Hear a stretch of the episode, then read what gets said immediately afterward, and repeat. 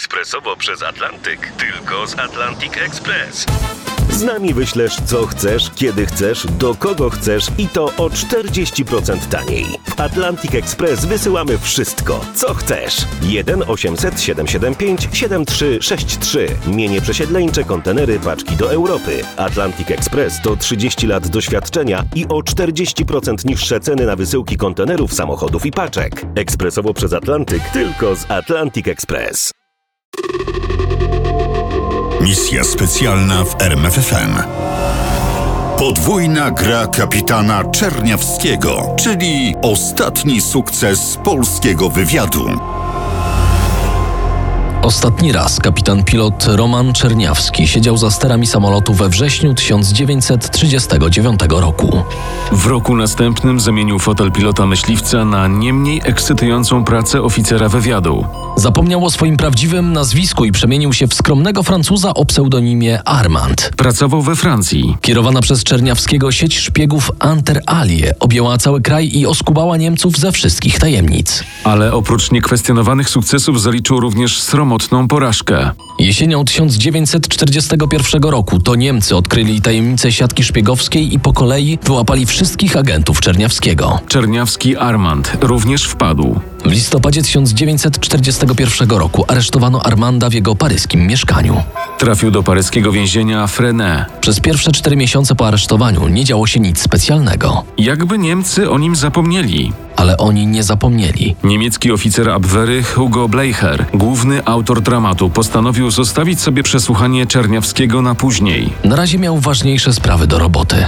Niemal każdego dnia doprowadzano nowych aresztantów. W rezultacie oficerowie Abwery mieli do przesłuchania 66 ludzi. Najwięcej do powiedzenia miały dwie kobiety, Pierwsza używała pseudonimu Kotka Laszat. druga Violetta. Obie były blisko związane z Czerniawskim i to podobno nie tylko w sensie szpiegowskim. I to Violettę, czyli panią René Borny, przyprowadził Bleicher do celi Czerniawskiego. Był 27 listopada 1942 roku. Rozmawiali około pół godziny. Niemcy wiedzą wszystko. Kotka przeszła na ich stronę, kontaktuje się z Londynem przez radio rzekomo w naszym imieniu, a faktycznie Niemcy podsuwają Anglikom fałszywe informacje. A ty? Zapytał Czerniawski. Dla kogo teraz pracujesz? Przecież znasz odpowiedź. Oni naprawdę wiedzą wszystko. Kotka powiedziała im, gdzie schowałeś nasze dokumenty, nasze archiwum.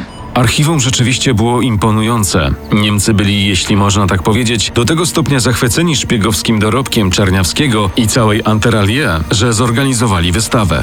Na ten niezwyczajny pomysł wpadł wojskowy gubernator Francji, generał Karl von Stilpnagel. Oczywiście wystawa była przeznaczona wyłącznie dla oficerów niemieckich. Zaprosiłem tu panów, aby uświadomić wam, ile szpiedzy nieprzyjaciela zdołali dowiedzieć się o naszej armii we Francji.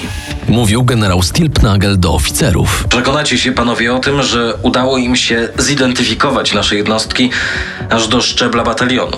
A wiecie dlaczego? Zapytał. Oczywiście nikt mu nie powiedział, gdyż było to tylko pytanie retoryczne. Mówił więc Stilpnagel dalej. Otóż dlatego, że mają spostrzegawczych agentów, którzy potrafili zauważyć i zidentyfikować dosłownie wszystkie oznaczenia na naszych mundurach. Generał Stilpnagel nie wiedział, że tego odkrycia dokonał sam Roman Czerniawski, znudzony oczekiwaniem na spotkanie gdzieś w kawiarni przy Polach Elizejskich. Docenił jednak Czerniawskiego jako agenta wywiadu, o czym wiemy dzisiaj ze wspomnień oficera Abwery Oskara Rajle. Gdybyśmy mieli w Anglii kogoś podobnie działającego i znali rzeczywiste siły alianckie, nie musielibyśmy utrzymywać we Francji tylu dywizji. Czy to wówczas narodził się pomysł przewerbowania Czerniawskiego? Niekoniecznie. Wspomniany już wyżej Hugo Bleicher twierdził, że taki pomysł kołotał już w głowach oficerów Abwehry dwa miesiące wcześniej, w grudniu 1941 roku. Nie można wykluczyć, że podobny pomysł mógł się narodzić i w sztabie generała Stilpnagela i w siedzibie Abwery. Kiedy więc 27 listopada w 1941 roku Violetta zjawiła się w celi Czerniawskiego na rozkaz nowych niemieckich zwierzchników, próbowała przekonać go do współpracy z Abwehrą. Nie, moja droga. Odpowiedział jej Czerniawski i na tym wydawało się temat zakończył. Hugo Bleicher nie naciskał, dał Czerniawskiemu czas na przemyślenie propozycji. Dopiero w marcu 1942 roku w celi Czerniawskiego pojawił się pułkownik Oskar Rajle. Był to ten sam Oskar Rajle, który przed II wojną światową rywalizował z majorem Janem Żychoniem. Mimo niepowodzenia, Rajle nauczył się języka polskiego i zdobył doświadczenie, które zamierzał wykorzystać teraz w rozmowie z Czerniawskim. Nie zakładał jednak, że załatwi wszystko podczas pierwszego spotkania. Natomiast Czerniawski, który już po rozmowie z Violettą i kilku spotkaniach z Bleicherem wiedział, do czego Niemcy zmierzają. Czekał, aż usłyszy konkretną propozycję. Konkrety przedstawił Oskar Rajle. Ta pierwsza wizyta Rajlego była, że tak powiem, punktem zwrotnym. Rajle pytał o wiele spraw, ale miałem wrażenie, że wówczas najbardziej interesowały go kwestie polityczne. Czy pana zdaniem wasz premier Sikorski zgodziłby się na jakąś formę współpracy z Trzecią Rzeszą?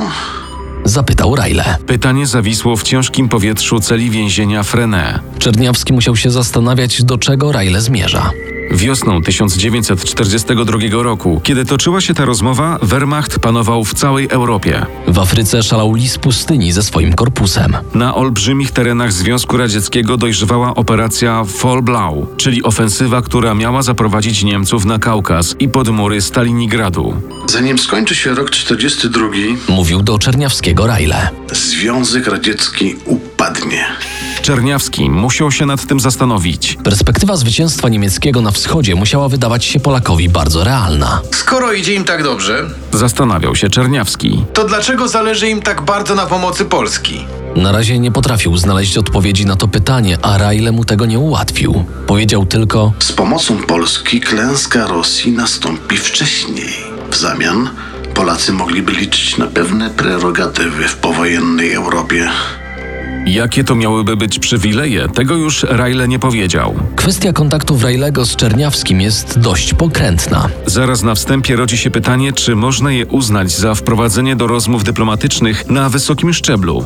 To pytanie pociąga za sobą kolejne. Czy Rajle działał na czyjeś zlecenie? A jeśli tak, to na czyje? I sprawa poniekąd najważniejsza, jak wyobrażał sobie spotkanie polsko-niemieckie. Ale można też założyć, że Rajle nie zamierzał spełnić żadnych obietnic wobec Polski. W końcu to nie on, zwyczajny pułkownik, decydował o polityce Rzeszy, tylko jego pryncypał, Adolf Hitler. Czy zatem Rajle po prostu nie zastawiał na Czerniawskiego pułapki? Jeśli tak, to w jakim celu? Tymczasem Czerniawski nie dał jasnej odpowiedzi. Zwlekał. Jeśli nasza umowa ma być coś warta, nie mogę działać na własną rękę. Muszę mieć zgodę mojego rządu. Ale mam jeszcze jeden warunek. Nie podejmę żadnych działań przeciw Polsce lub Polakom. Rajle pozostawił Czerniawskiemu kilka tygodni do namysłu. Kiedy znów o sobie przypomniał, miał złe i dobre informacje. Zaczął od złych. Zastanawialiśmy się nad pańskimi warunkami. Pierwszy odrzucamy. Nie chcemy mieszać w to polskiego rządu. Wolimy, żeby działał pan nieoficjalnie na własną rękę. Niemcy bali się niepowodzenia albo po prostu wkalkulowali je w ryzyko operacji. Tłumaczył po latach Czerniawski. Nie chcieliby w takim wypadku wykorzystała to brytyjska propaganda. Natomiast nie będziemy wykorzystywać pana do walki z Polską i Polakami. W razie powodzenia zleconej panu misji gotowi jesteśmy zwolnić aresztowanych szpiegów Enteralier. Rajle w zasadzie był pewien, że Czerniawski jest już urobiony i jego zgoda to tylko kwestia krótkiego czasu. Przed opuszczeniem celi zostawił Czerniawskiemu kilka kartek i pióro, czy może ołówek do pisania. Zanim zaczniemy współpracę, potrzebujemy od pana jasnej deklaracji na piśmie. I ta deklaracja była dla Rajlego najważniejsza. Ale czy wierzył w szczerość słów Czerniawskiego? Liczyliśmy się z tym, że Czerniawski zdradzi nas przed Intelligence Service. Nam będzie wysyłał fałszywe informacje. Ale i z fałszywych informacji można wiele dowiedzieć się o nieprzyjacielu. A poza tym Tłumaczył dalej Rejle. podpisaliśmy coś w rodzaju umowy. Jeśli Czerniawski zdradzi, odwet spadnie na jego ludzi z Enteralie. Na koniec, żeby Czerniawski nie czuł się panem sytuacji, przypomniano mu, że jego brat jest w obozie jenieckim, a matka w okupowanej Polsce. Czerniawski zdał sobie sprawę z ryzyka, jakie niesie ze sobą oferowana mu współpraca. Zdecydował się jednak to ryzyko podjąć. Wziął więc ołówek do ręki i zaczął pisać. Po latach we wspomnieniach przyznał, że napisał dokładnie to, co Rajle chciał przeczytać. To był jeden z najlepszych moich tekstów propagandowych. Główna myśl zamykała się w zdaniu. W interesie Polski leży sojusz z Rzeszą Niemiecką. A potem usiedli i długo rozmawiali. Czerniawski opowiadał Rejlemu o swoich możliwościach. Mam dobrych znajomych w polskim sztabie. Myślę, że bez większych problemów rozkręcę działalność wywiadowczą. Myślę, że nie będzie również kłopotu ze zorganizowaniem proniemieckiej propagandy. No dobrze, Odpowiedział Rejle. ale interesuje nas jeszcze Francja. Rozumiem, że i tu ma pan wielu dobrych znajomych. Oczywiście. Potwierdził Czerniawski. Mam ludzi nie tylko tu, w Paryżu, ale jeszcze w Brytanii i Bordeaux. Czy Niemcy naprawdę w to wszystko uwierzyli? Pytał o to Andrzej Brzeziecki, autor znakomitej biografii Czerniawskiego. Jak zapisał, Rejle przyznał, że Abwera cierpiała na deficyt informacji z Wysp Brytyjskich. Chcąc nie chcąc, Niemcy chwytali się każdej okazji. Dlaczego wybrali Czerniawskiego? Bo był najlepszym fachowcem od roboty wywiadowczej, oczywiście spośród tych, którzy znajdowali się w niemieckich więzieniach. Ta decydująca o dalszych losach Czerniawskiego rozmowa odbyła się mniej więcej pod koniec kwietnia 1942 roku. A potem zaszły wypadki, o których inaczej opowiadają świadkowie, a inaczej brytyjskie archiwa. Zaczęło się od tego, że na początku lipca Hugo Bleicher, oficer, który w listopadzie 1941 roku aresztował Czerniawskiego, tym razem miał mu pomóc w ucieczce. 14 lipca 1942 roku Bleicher zabrał Czerniawskiego do Paryża swoim samochodem. Gdy byli na Avenue Foch, ciężarówka Wehrmachtu zajechała Bleicherowi drogę. Bleicher nie zdążył zahamować i doszło do niewielkiej kolizji. Moment zamieszania wykorzystał Czerniawski i uciekł. Nie dogonili go ani żołnierze niemieccy, ani kule pistoletów. Setki Francuzów widziało ucieczkę skutego kajdankami więźnia. Plotka szybko rozeszła się po mieście i dotarła do ludzi z ruchu oporu, a o to przecież Rejlemu chodziło. Inaczej zapamiętał te wydarzenia Czerniawski. Owszem, razem z Bleicherem pojechali do Paryża. Gdzieś w mieście pojawiły się ciężarówki i zrobił się korek, ale Bleicher je wyminął i pojechał dalej, prosto pod kamienicę, w której czekał na nich Rajle. Co się stało? Przecież miał pan zorganizować moją ucieczkę. Miał zapytać Czerniawski. Ale nie zapytał, bo jak się okazało, po wielu, wielu latach Czerniawskiego wówczas nie było w Paryżu. Nadal siedział w więzieniu, a po ulicach miasta uciekał podstawiony przez Niemców człowiek. A plotka o wyrwaniu się Czerniawskiego z łap Abwery trafiła do francuskiego Resistance. Czerniawski opuścił więzienie dopiero 29 lipca. Od Rejlego dowiedział się, jakiej wersji zdarzeń powinien się trzymać. Proszę pamiętać, uciekł pan 14 lipca podczas kolizji samochodu Bleichera. Tej wersji trzymał się Czerniawski do końca życia i przedstawił ją we wspomnieniach pod tytułem Big Network oraz w wywiadzie dla Radia Wolna Europa. Tylko raz uchylił rąbek tajemnicy i to też nie wdając się w szczegóły. Wspomniany już autor biografii Czerniawskiego Andrzej Brzeziecki dotarł do ukrytego w archiwach brytyjskich raportu dla szefa wywiadu pułkownika Gano. Wersja o ucieczce dla dobra sprawy musi być traktowana jako prawdziwa. Pierwszą rozmowę z pułkownikiem Gano odbył Czerniawski po miesiącu od przyjazdu do Londynu, czyli w połowie listopada 1942 roku. Spotkali się w restauracji, bo tak zażyczył sobie Czerniawski. Mówił przez bite pół godziny. Przedstawiono mnie w Londynie jako bohatera, który zwiał Niemcom. Tymczasem życie to nie jest powieść szpiegowska i zmusza do innych, często trudnych decyzji. Zgodziłem się na współpracę z Niemcami. A potem opowiedział o rzekomej ucieczce i o planie, jak sam określił, wielkiej gry. Czym była wielka gra? Sam Czerniawski miał ją przemyślaną tylko w ogólnych zarysach. Zamierzał zasypać Niemców lawiną spreparowanych przez wywiad brytyjski fałszywych informacji i w ten sposób wprowadzić ich na ścieżkę strategicznych błędów. Jednak do tego potrzebował zgody generała Sikorskiego. Przykro mi, ale generał Sikorski nigdy nie zgodzi się na jakąkolwiek formę współpracy z Niemcami. Natomiast Brytyjczycy mogą podjąć się takiej gry. Przecież tu chodzi o życie moich ludzi. Zrobimy tak, panie kapitanie. Przygotuje pan szczegółowy raport. Proszę zacząć od momentu aresztowania, a ja w tym czasie porozmawiam z generałem. Zobaczymy, jak zareaguje.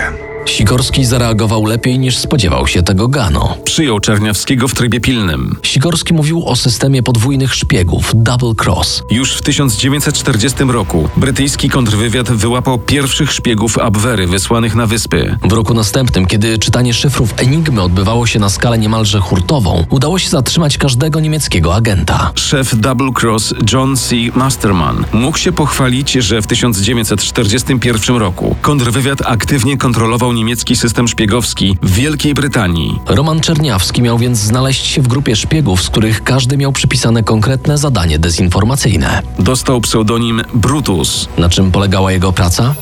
Wysyłałem meldunki zredagowane z prawdziwych i fałszywych informacji. Sztuka polegała na tym, żeby informacje prawdziwe nie zaszkodziły aliantom. Natomiast wiadomości fałszywe musiały być na tyle prawdopodobne, by nie obudziły podejrzeń Niemców. Szczególnie wyraźnie widać to przy okazji operacji Fortitude. Chodziło o wprowadzenie Niemców w błąd co do miejsca inwazji na kontynent.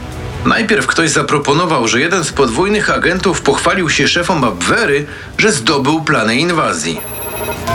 Szybko zrezygnowano z tego pomysłu, bo to mogło wzbudzić podejrzenia. Dlatego zastosowano inny sposób. Pozwolono agentom meldować o drobiazgach. Na przykład o oznaczeniach jednostek noszonych przez żołnierzy na mundurach czy wymalowanych na pojazdach. Rzekome obserwacje prowadzono głównie na terenie południowej i wschodniej Anglii. Tam też pojawił się amerykański generał George Patton. Reszta należała do Niemców. To oni na podstawie nadesłanych informacji powinni dojść do wniosku, że Patton został dowódcą armii inwazyjnej, która wyląduje na wybrzeżu Pas-de-Calais. Kiedy? O tym miały informować następne meldunki. Tymczasem nadszedł 6 czerwca 1944 roku i na plażach Normandii wylądowały wojska inwazyjne. A mimo to Adolf Hitler nadal kazał trzymać jedną mocną armię nieopodal Pas-de-Calais. Wierzył, że Patton zaatakuje. Operacja Fortitude zakończyła się pełnym sukcesem. Był to też ostatni wielki sukces polskiego wywiadu w czasie II wojny światowej. Nie umniejsza tego sukcesu fakt, że główną rolę odgrywali tym razem Brytyjczycy. 30 czerwca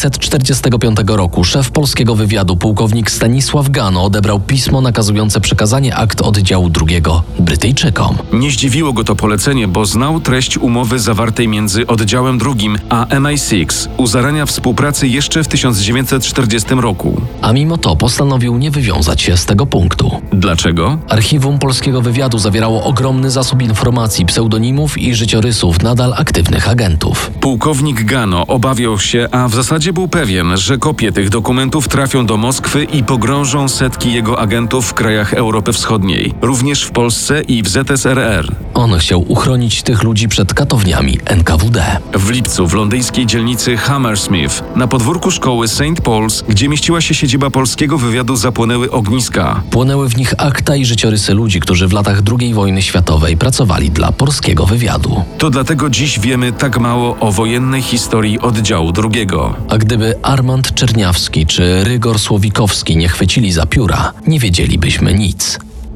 Misja specjalna w RMFFM. Na tropie największych tajemnic historii.